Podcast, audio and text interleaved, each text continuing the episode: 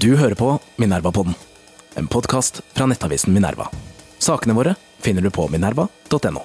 Minerva-podden er en podkast fra avisen Minerva. Det er gratis å lytte til Minerva-podden, men det er ikke gratis å lage avisen. Hvis du vil støtte Minerva, kan du tegne abonnement ved å gå inn på minerva.no abonnement, eller du kan vippse oss penger for å vise at du setter pris på podkasten, til mediehuset Minerva. Velkommen som abonnent. Velkommen til Minerva-podden. Mitt navn er Alexander Ibsen, nyhetsredaktør i Minerva. Norsk vernepliktslov sier norske statsborgere som er skikket til tjeneste i Forsvaret, har verneplikt fra det året de fyller 19 år, til utgangen av det året de fyller 44. Allmenn verneplikt, slik vi har i Norge, er en gammel institusjon med røtter tilbake til antikken. I moderne tid sporer vi det gjerne tilbake til den franske revolusjonen. I dag er det gjerne stater som hyppig trues av krig, som har verneplikt. I tillegg til noen små land, som Norge. Men langt fra de fleste utfører sin verneplikt i Norge i dag. Bare rundt 13% av ungdommer går gjennom sin førstegangstjeneste. Av disse 13% er litt mer enn to tredjedeler gutter og en tredjedel jenter. Miljøarbeider, tømrer og ikke minst veteran Freddy Bolle skrev nylig en svært interessant kronikk i Forsvarets forum, som tok til orde for at nettopp verneplikten nå må styrkes. Sitat fra kronikken. I en verden som står i brann flere steder, undrer jeg meg over at politikerne ikke har mer fokus på at alle som er skikket til det, skal gjennomføre førstegangstjenesten. Dette kommer vi tilbake til, men først må jeg få ønske deg hjertelig velkommen hit til Minerva-podden, Freddy Bolle. Tusen takk, hyggelig å være her. Freddy, eh, du sitter ikke bare og mener en masse om Forsvaret. Du har omfattende operativ erfaring selv. Kan du gi en sånn rask oppsummering? Ja, omfattende, omfattende. Jeg er ikke så sikker på det. Men eh, jo, jeg har vel eh, vanlig, vanlig verneplikt. 15 måneder i marinen. Starta med det. Og så var jeg ti år i en gruppe som het HV016, som trente veldig mye her i Oslo. Som var fordelt i forskjellige byer for å stå imot eh, Spetsnaz-styrker som skulle komme tidlig inn og slå ut viktig eh, infrastruktur og personell. Og så har jeg vel eh, vært i Libanon og Somalia, Bosnia, Kosovo, Afghanistan. Utenlandstjeneste. Det er sånn kort oppsummert. Og dette gjelder jo ikke bare deg, men familien din. Du har eh, tre brødre, alle med noe forsvarserfaring, førstegangstjeneste. Tre av dere også mye utenlandstjeneste. Eh, din bror, yngre bror blir det jo, Trond André Bolle, er det veldig mange som eh, husker. Han, eh, han døde jo i tjeneste, og fikk krigskorset med sverd etter sin død. Du har tidligere fortalt i flere anledninger om at ingen av dere fire var englebarn da dere vokste opp. Det blir jo riktig å si. ja. og Ser du noen forbindelse mellom dette og at eh, mange av dere ble soldater senere i livet? Ja, det gjør jeg faktisk. For da vi var små, så var vi var ganske tett på hverandre. Ca. et år mellom hver av oss. Um, ja, så alt handla om konkurranse, og være ute i skogen. Mutter'n hadde bekkdrev og sleit med mye migrene, så hun kasta oss ut i skogen, og der trivdes vi. Og da var det med krigsleker. Alt av krig på TV, Vietnamkrigen, amerikanske borgerkrigen, de slaga ble utkjempa i skogen bak hos oss dagen etter. Så det gikk eh, ganske hardt for seg, men det var vel aldri noe stor plan, tror jeg, at vi så fram mot Forsvaret. Det var jo en naturlig greie at når du ble 18-19, så skulle du inn og utføre verneplikten. Så blei det en naturlig greie at vi trivdes der. Litt sånn eh, han eldstemann han hadde verneplikt, men han eh, dro ikke ut. Eh, vi kalte han litt sånn Jesus og familien sorte får, i en sånn merkelig betydning. Men han var jo skoleflink. Han gikk ut av skole, ungdomsskolen med bare S. Og så kommer vi litt sånn søpla etterpå, da, med LG og NG. Vi var jo ikke de opptatt av skolen, da. Så, så, og da var Forsvaret en fin karriere å komme inn på, sånn sett. Rett og slett. ja. Var det ordnede former. Klarte, dere klarte alle å tilpasse dere. Forsvaret er jo et hierarkisk system. Mm. Ordnede former. En total institusjon, egentlig? Ja, det var ikke noe problem uh, i det hele tatt for oss å falle inn der. Vi hadde en mor som var full av omsorg og aldri kjefta på oss. Vi hadde en far som var ganske beinhard og streng. Så vi hadde litt av den der strengheten med oss allerede. Men ikke noe problem å tilpasse seg det systemet, nei. Det snakkes jo mye om eh, gutter og gutters problemer i dag. Mm. Mange som sliter med tilpasning til et uh, skolevesen som er veldig ordnet osv. Det uh, høres jo litt ut som at dere, i hvert fall tre av dere, uh, var, var, i den kategorien. da. Ja, det er nok helt riktig. Jeg har vært i barnevernet med ungdom som er plassert, tvangsplassert på institusjon i 27 år. Og Det spørs om ikke barnevernet skulle vært en tur hjemme hos oss også på 70-tallet. Men det var det nå ikke, det var jo andre tider. Men den strukturen som mange av de ungdommene jeg jobba med på 90-tallet, de skulle, måtte jo inn i vern, utføre verneplikten. Og det redda mange av dem, faktisk. Og noen er den der den dag i dag fortsatt i Forsvaret. Men de får ikke i dag, får ingen av de komme inn lenger. Sånn som broren min Trond, som døde i Afghanistan, han hadde vel heller aldri kommet inn i Forsvaret. Han hadde en en dom på seg. Han kjørte for fort med motorsykkel. Det hadde vel ikke han kommet på inn i dag. Og da går jo også Forsvaret glipp av mange litt sjørøvere i gåsetegn, da, som kan bli gode soldater og gode å ha, som tåler en trøkk når først det skjer noe som vi alle håper ikke skal skje. Som kan eh, gjøre seg fortjent i krigskorset med sverd? Til eksempel, ja. Mm. Hvordan var det mellom dere brødrene når, når tre av dere senere har eh, eh, omfattende soldatkarrierer, så er dere jo brødre også. Eh, bygde seg opp en slags sånn soldatbrorskap i tillegg? Nei, det tror jeg ikke. Det har jeg nok med mange andre som har vært ute sammen. Men, ehm, men vi blir voksne og flytter på hverandre og flytter til forskjellige steder for familie og barn. og alt sånt. Så det, det, Den tettheten som var når vi var yngre, det er jo naturlig. Når du blir eldre, så forsvinner jo den litt. Så det blei noe, det var ikke sånn at vi snakka så mye om forskjellige ting. Fra jeg var ute første gang i 87 til Trond døde i 2010, så var det jo hvert eneste år en av oss ute. Men hadde aldri helt oversikt om hvor Lasse eller Trond var. Det hadde en viss formening. Men uh, livet rulla gikk videre, sånn sett. Uh, som, så ikke helt den der uh, brorskapen der i forhold til det. Hadde du på noe Har du opplevd tidspunkt når du var ute, at du tenkte nei, nå må jeg finne noe annet å drive med? Er... Ja, Det er jo episoder som er stygge. ikke sant? Menneskeliv går tapt. Eh, ting er ugreit. Du savner dem hjemme. Men så er det liksom eh, For min del så var det sånn jobbe med disse ungdommene som det kunne gå kule varmt, så var det godt å komme til en, for å si litt banalt, da, til en krig og gjøre litt andre ting òg, eller et konfliktområde. Eh, for å gjøre andre ting. Og så har du lada litt batterier, så kan du komme hjem til Norge igjen og se egentlig hvor godt du har deg i Norge. da. Når du er ute og reiser på steder hvor folk ikke har det bra. Liten sikkerhet og alle sånne ting. Ja. Eh, jobbet, som du sa, mange år med vanskeligstilt eh, ungdom i barnevernet. Ungdom som i dag typisk ikke eh, gjennomføre førstegangstjeneste. Jeg har en sånt eh, egen eh, erfaring med jeg tror et sånt tilfelle, og det syns jeg er ganske illustrerende. Helt på starten av 2000-tallet, jeg tilhører vel da de siste kohortene i Norge hvor så å si alle gutter var gjennom. Og dette var da i Indre Troms. Han ene Vi var nesten alle sammen 19 år i troppen, med ett unntak. En fyr på 24 år. Og han hadde aktivt eh, utsatt eh, det hele, men kom til slutt inn for å få orden på livet sitt. Altså Han hadde eh, slitt litt med rus og den type miljø. da. Og han endte med å bli utmerket Fikk en tomhjulse 120 mm sjettedivisjons beste mann innen ja, en tjeneste. Og han hadde ikke gjennomført tjeneste engang i dag. Nei. Nei, det er helt fantastisk. Og det er mange av de outsiderne som gjør det utrolig bra og kommer inn i den formen der òg. At det, det, redder dem. Eh. Og så er det denne totalforsvarstanken. Da. Ok, Du sa som noen forfekter at eh, ja, Forsvaret trenger ikke så og så mange mange. Det blir ikke den krigen den dag skyttergravskriger. Folk har alltid parert meg med. da. Når jeg liksom eh, messa med førstegangstjeneste, det er viktig at folk får gjennomført styrke hele Forsvaret, hele landet, hele robustheten til menneskene som bor her. Nei, men det blir ikke sånn kriger det var før, og bla, bla, bla. Så kommer Ukraina-krigen bare bom inni, ikke sant. Og der er jo skyttergravskriger, og folk ligger, de trenger mannskapene. Eh, går på store tap, trenger nye mannskaper inn. Så du må ha en reserve òg, ikke sant.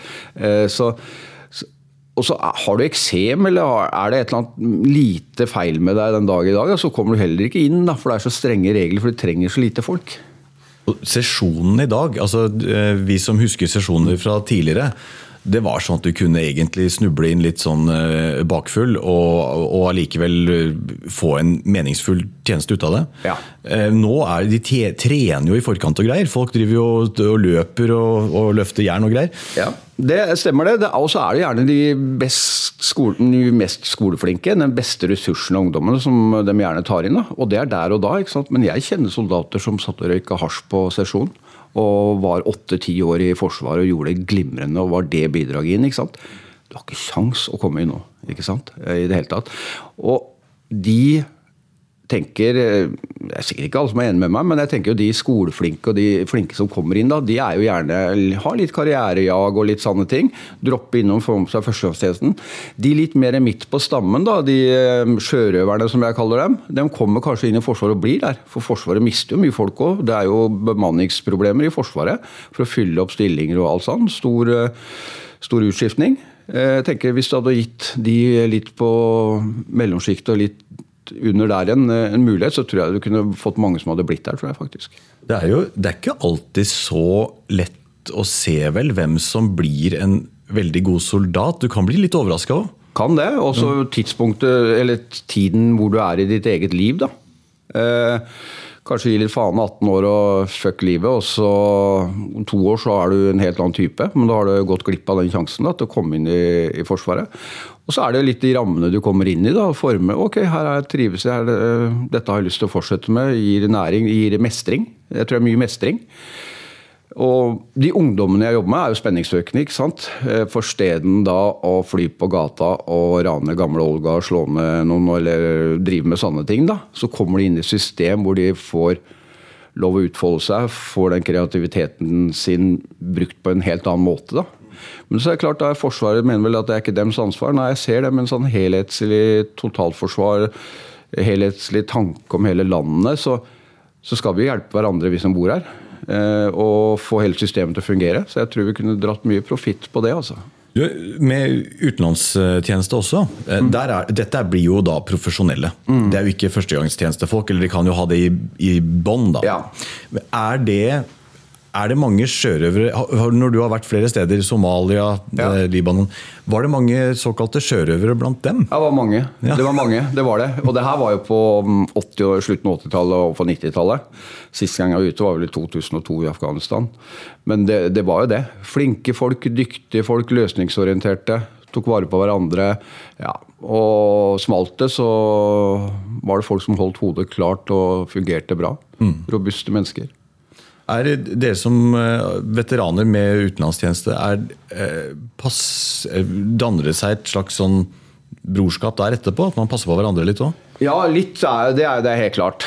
Men så er det litt sånn som jeg sa i stad, livet går videre og humper videre. Noen trenger nok det mye mer enn andre. Personlig så trenger ikke jeg så mye av det. Jeg har noen samlinger fra gjengen i Somalia innimellom. Det er veldig hyggelig. Dra på noen fisketurer og sånn, som jeg har hvert år. Eh, Noen eh, trenger veldig lite av det, og noen trenger mye av det. Det er en del Facebook-sider som veteraner samles og alt sånn. Det kan også gå ganske hardt for seg, for mye veteraner er forskjellige. Og meninger.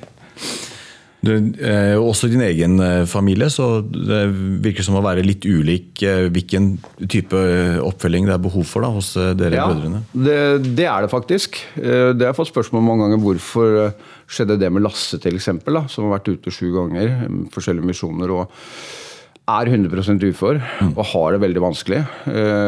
Mm, Er godt i kjelleren om dagen. Eh, Og så er det Trond som døde, da. Så liksom, det er, krig koster jo, familien vår har betalt en høy pris eh, på mange måter. Men sånn er det jo med de valgene man tar. Eh, Mange mener at jeg ikke at jeg har litt kast i klokka, jeg òg. Jeg mener at jeg er helt stabil og har det veldig bra. Eh, Så er det litt sånn at eh, ok, du har gjort det du har gjort, og så har du jobba 27 år med ungdom. Snitt hos oss er det kanskje to-tre år at folk holder ut med ungdom. Eh, For det kan gå hardt for seg. Mye, veldig mye bra òg. Men jeg tror det har noe med barndommen å gjøre. Eh, Det spetakkelet vi var oppvokst i med alt det fanteri vi drev med. eh, At det ble en robusthet og, og sånne ting.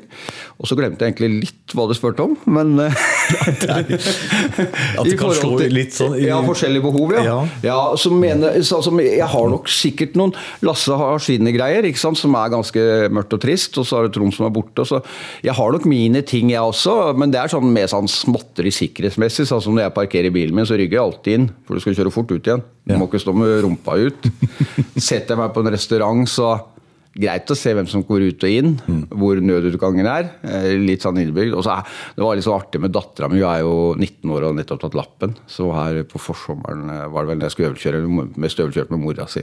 Så begynner så skulle jeg bli med en gang, da, og øvelkjøre. Og så kjører vi av gårde, og så begynner han med blinklys. Og jeg bare Nei, nei, må ikke bruke blinklys, da viser du finnen hvor du kjører hen. ikke sant? Så litt humor òg, men litt alvor. Og hun bare himla med Ja, er det mulig, liksom? Ja. Man må ta kjøretimer hos noen andre, enn deg også. Ja. Kjenner faren sin, så Det er jo, det er jo dette med, med, med brødre, eh, familier som, eh, som går for den samme forsvarskarrieren, er veldig interessant. Det, jeg så oversikt over det som da heter Victorious Cross i England. Delt ut siden 1850-tallet. Og den, er, eh, den har ikke vært delt ut mye i England. eh, Storbritannia har jo vært i mange kriger Ja. siden 1850. 1300 utdelinger har de, og det er til de som har gått eh, ut og altså satt seg selv i fare for å redde andre medsoldater eller sivile. Og det så 1300 mottakere, og der er det alt mulig. Det er eh, fattig, sterk, lav, liten, eh, ja, eldre, yngre. Alt. Ja. Men det er noen ting som går igjen. Og det er bl.a. noen brødrepar. Okay. Eh, Jeg, jeg så oversikten nå, det er veldig fascinerende. Og en annen ting som går igjen, er at det er eh, sønner fra ødelagte familier. Altså sønner fra familier hvor det er bl.a. eneforsørgermor, for sånne ting. Det er en tendens opp fra 1850 til nå. Og da er, så har man jo teoretisert da, om det er en tidlig ansvarsfølelse som har gjort at noen gjør det lille ekstra for å, og setter seg i fare. Det er en fascinerende tanke, i hvert fall. Ja, for, nei, det, akkurat det du sier, det har jeg ikke hørt om eller vært borti. Men jeg tenker at eh, ja, med bo alene med mor eller litt vanskelige familier, Da. du skaper en robusthet hos mennesker. da. Og det å ta vare på kanskje de i nærheten av deg. da. Eh, Og det å finne løsninger. ja, Hvis du bor i en fattig familie og ikke har mat, da. Ok, kanskje du tar med deg broren din og så drar du på bakeren og så stjeler du noe i bakgården der. eller noe sånt. Du skaper en type menneske som er eh, sånn type Det er ikke det at jeg eh, forhelliger kriminalitet eller noe sånt, nå, jeg bare prøver å forstå. Ja. Det også så tørre å ta noen sjanser på vegne av andre eh, for å hjelpe andre. Eh, Så det kan jo ligge noe der. Jeg tenker at det er noe robusthet i det. altså. Du har, eh, du har tatt til orde for verneplikten og betydningen av den i lang tid. Og nå ser det ut som det er litt mulighetsvindu, kanskje også i politikken. Med krigen i Ukraina særlig, da. Mm. Du skriver i kronikken om hvordan vi ser jo at bare det med kvantitet har noe å si. Det at eh, folk er, befolkningen er våpenfør, eh, har en, et minimum av eh, bakgrunn. Er det, er det åpning for å snakke om andre sider ved det? Altså Ikke bare stridsevnen, men også hva det gjør med et land? Det at, eh, at eh, store deler av ungdommen har vært gjennom og avtjent verneplikten? Det er veldig viktig i min verden. Eh, Du får lov å være med på noe som Det er litt sånn floskler, da, men større enn deg selv. Og det er jo riktig. Du får lov å bidra. Jeg bor på Østlandet, kanskje sendt til Nord-Norge, til Vadsø eller Tromsø for å avtjene verneplikt. Jeg ser mer av landet, jeg treffer folk fra andre landsdeler. Fattig og rik. En eh, rik kar fra vest, eh, vestkanten treffer eh, Ali fra Romsås da, på tjeneste i Bergen. Og er i samme lag eh, og trener sammen. Og skaper de connectionene og ufarliggjør det klasseskillet man kanskje har visse steder. Eh, du er med ut og sover i telt. Eh, blod, svette og tårer. Eh, også litt sånn floskel, men det er, det er noe i det. Man lærer å kjenne andre, man lærer å samarbeide på en helt annen måte. Jeg er vel, synes jo at vi blir vel kanskje litt eh, svakere folkeslag på mange måter. Vi har det jo veldig godt i Norge. Vi som bor her har vel vunnet i Lotto, mener jeg, i forhold til hva jeg har sett der ute. Eh, Og da med å få prøvd seg litt på forskjellige måter og, og og vært med å sy sammen ting og løse oppdrag i sammen, trene i sammen. Eh, Så har du det der med hvem er heltene for ungdom nå, da? Eller hvem er forbilder? Jo, Det er, jeg skal ikke si forbanna influensere, men jeg sa jo det. Det er mye der som kanskje ikke er helt bra, syns jeg. Eh, hva er for noe dem står for? Masse fjas og tjener store penger. Jeg mener at Mange av de ungdommene som har utfører verneplikten, de burde kanskje vært forbilder for mange av ungdommene våre, men sånn er det ikke med alt det sosiale medier og sånn. Jan Balsrud er et bedre ideal enn Andrew Tate. Ja, det er, er helt klart, ikke sant? Har du mer harde, stygge, gjerne rasistiske eller meninger om kvinner eller noe sånt, så får du boost eh, på mange måter. Donald Trump som driver med sitt og uttaler seg hytt og pine, han får store tilhørerskarer er det, det er en stygg vei vi er inne på der, tenker jeg. altså.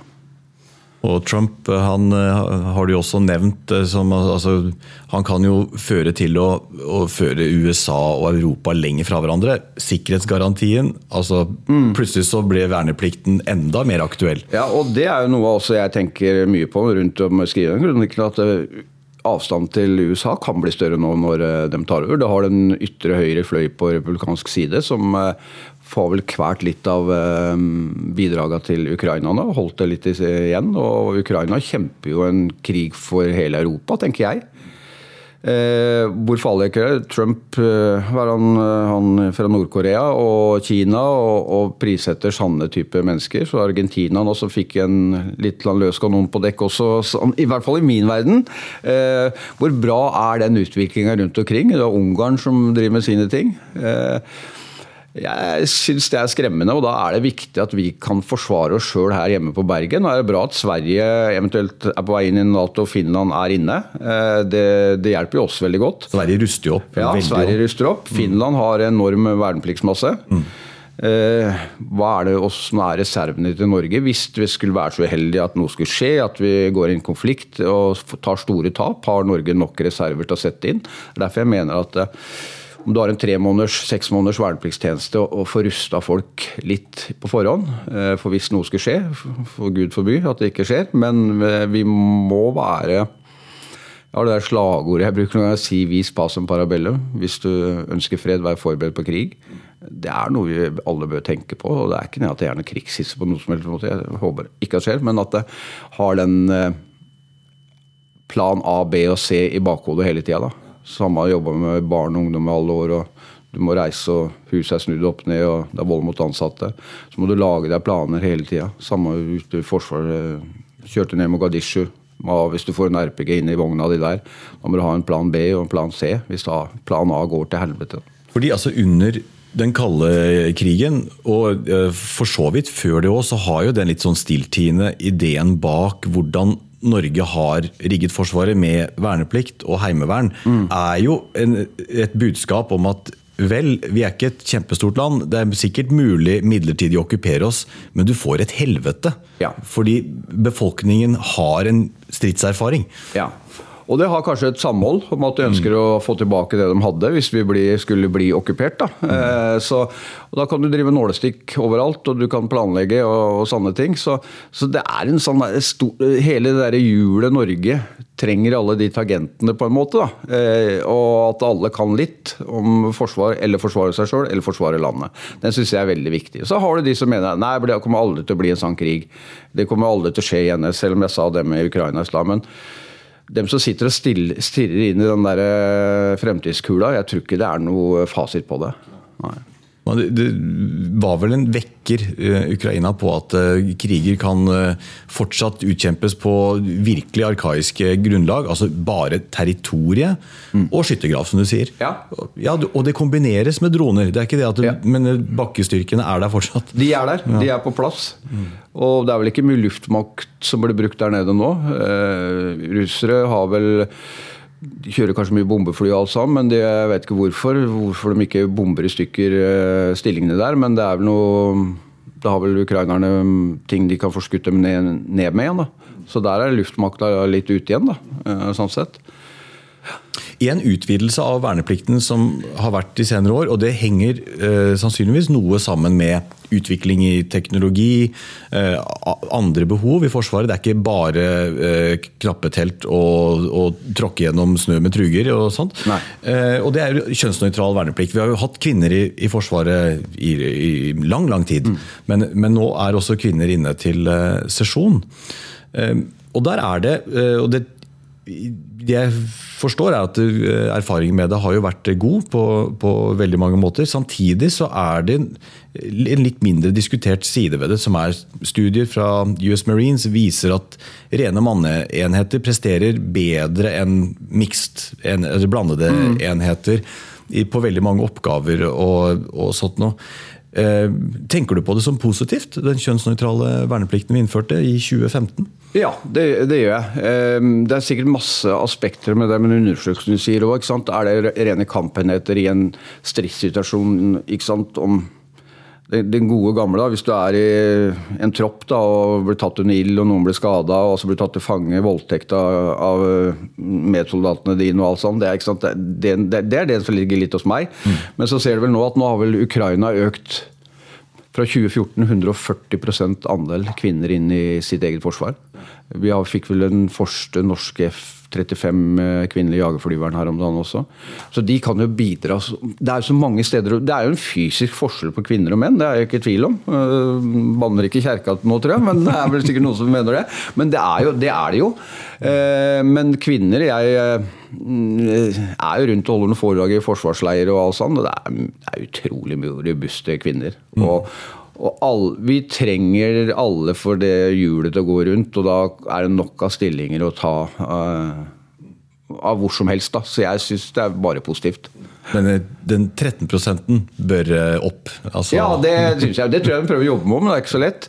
Uh, det er vel en større avstand. Det er jo sånn som Jeg har en datter på 18, hun skal ikke i Forsvaret for synet var ikke helt bra. men hun har ikke noe særlig peiling på Forsvaret og sånne ting. Det blir en større avstand mellom folk og Forsvaret, og mindre som gjennomfører verneplikten også, syns jeg. Ja, og man kan vel også spekulere litt da i Eller om det ikke er spekulere, men bare notere seg at eh, når stadig færre har gjennomført førstegangstjeneste, så er det også færre bl.a. blant politikere som ja. har den bakgrunnen. Mm. Så kan man kanskje si at det er fint å kunne ha litt avstand fra det du skal beslutte på. Ting kan bli kanskje for nært osv. I noen sammenhenger kan det være et argument, men det er litt betenkelig, kanskje? At eh, færre politikere i dag har den bakgrunnen? Ja, I hvert fall har gjennomført førstegangstesten. Du får det innblikket i forhold til det. Og det er vel ikke så mange av oss som gjør det lenger, som du sier. Eh, de har sin egen karrierevei, og det syns jeg er trist. For håpe at de har mye gode rådgivere rundt seg. Og om du hører på de rådgiverne, er en annen sak, for det er en pengesekk som skal fordeles i hele kongeriket, og alle vil ha mye. Eh, men eh, nei, jeg syns ikke mm, det er helt bra. Mm. Minimum skulle folk hatt en verneplikt for å eventuelt bli politiker, eller i hvert fall forsvarsminister. da. Ja. Vi hadde eh, I litteraturen, ikke noe lang teoretisk utlegning, men der er det sånn, et hovedargument mot verneplikt var veldig kjent fra Samuel Huntington. Skrev for mange mange år siden en bok, mye diskutert i USA. Men der er det at nei, du må profesjonalisere Forsvaret. Mm. Eh, ellers så kan det bli offer for demagoger og eh, ja, mm. de, de, offer for de eksessene ved demokratiet. Andre argumentet, eh, som eh, Moskos var i hvert fall i den amerikanske litteraturen, eh, har forfektet mer verneplikt. Og Et argument der er at du har vanskeligere for å gå til aggressiv angrepskrig hvis du setter dine egne døtre og sønner i fare. Så det er egentlig et fredsargument for verneplikt nå? Er det, er det noe som resonnerer? Jeg er helt enig. Jeg syns det er veldig innlysende. Ja. Mm. Uh, vi ønsker vel alle fred. Mm. Stort sett alle. Så har du noen gærne makthavere som eh, drar den litt lengre. Eh, ingen ønsker Jeg har ikke treffet noen på utenlandstjenesten jeg, jeg har vært i som syns dette er stas. I det hele tatt. Så det støtter jeg fullt ut på alle mulige måter. Alle får en innsikt, alle ser hvor brutalt det kan være. Og det er noe man ikke ønsker. Vi har et utrolig profesjonelt forsvar i dag. Dyktige soldater, altså. Når vi snakker om dette her. Men vi trenger reserver, vi trenger folk, mer folk med inn i systemet. Det, dette er jo ikke et argument direkte for stridsevnen, men det at du, du nevnte det jo, liksom kommer eh, Ali fra Holmlia og Trygve fra Bergen, og mm. plutselig så befinner de seg i en brakke eh, i Nord-Troms. Mm. Så eh, blir, det, det styrker da en viss nasjonalt samhold, eller eh, gjør det ikke det? Altså, jo, det er klart det. Det styrker båndene mellom enkeltmennesker. Mer forståelse for hverandre. Hvem er vi, og hvor kommer vi fra? Mm. Jeg ser bare pluss ved sånne ting. Jeg ser liksom ikke noen negativ kostnad med det. Jeg tenker at eh, det er bra for hele nasjonen på alle mulige måter. Men politikerne ser nok ikke helt sånn. Koster penger. Det da- koster penger, det gjør det. Det er, eh, vi i Minerva prøvde å få litt klarhet i eh, innvandrerandelen, altså minoritetsandelen i Forsvaret. Og de tallene de opplyses ikke om, eh, dessverre. Jeg, for vår del så var det interessant også bare for Vi tenkte at det her er jo et glitrende mål på integrering også.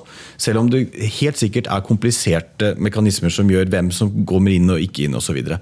Men, men eh, litt leit at det ikke opplyses om. Men dette her må jo være, altså finnes det noe bedre integreringstiltak enn eh, førstegangstjenesten? Jeg tror det er absolutt det beste. Og det er klart det er viktig. Det er noen eh, familieforhold og hvor du kommer fra i verden og, og sånne ting som sikkerhetsklarering og alt sånt. Og hvem som er skikka. Men eh, det er ikke tvil om, jeg har også hatt ungdom på barnevernsinstitusjoner med utenlandsk opprinnelse og vært gjennomført førstegangstjenesten. Jeg glemmer aldri bildet jeg fikk til den stolteste gutten i uniform. Eh, endelig sånn er han der inne. Og gjennomførte. Eh, Klart det. Det skaper jo mer troskap mot den nasjonen vi bor i, da. Jeg, hørte, jeg håper ikke jeg høres sånn høyekstrem ut, for det er ikke det jeg er. Altså, jeg bare, men men eh, liksom, det er litt sanne ord, da. Eh, for eh, vi må ta vare på det vi har, og, og det er ikke tvil om at det har vært bra for mange. Og så er det sikkert noen blindgjengere som kommer inn som kanskje ikke burde der. Ok, men da har du prøvd, så får du ta dem ut igjen isteden, da. Og gitt mer, flere mulighet eh, til å gjøre det. Har du, du, vi nærmer oss slutten, Freddy, Ja. men har du i løpet av din lange karriere i Forsvaret, har du sett noen endring i nordmenns forhold til Forsvaret, eller syn på Forsvaret? Ja, jeg, jeg tror faktisk det. Liksom, Ja, jeg er en gammel mann. da. Hvis jeg drar på en pub og setter meg ned, så er det alltid en på min alder som har førstegangstjeneste. Eh, treffer jeg yngre mennesker, kanskje på 25, så har jeg ikke vært i Forsvaret engang.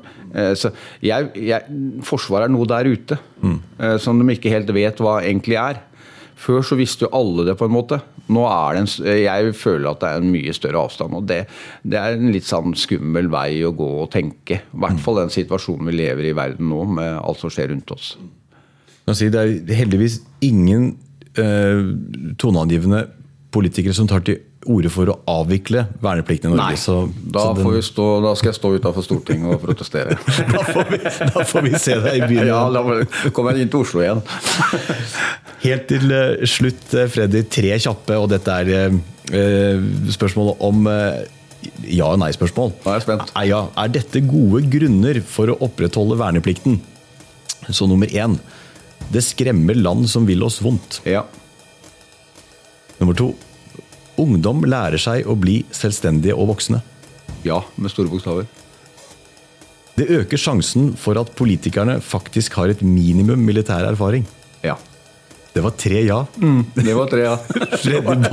Tusen takk for at du kom til Minerva-podden. Takk for at jeg fikk komme.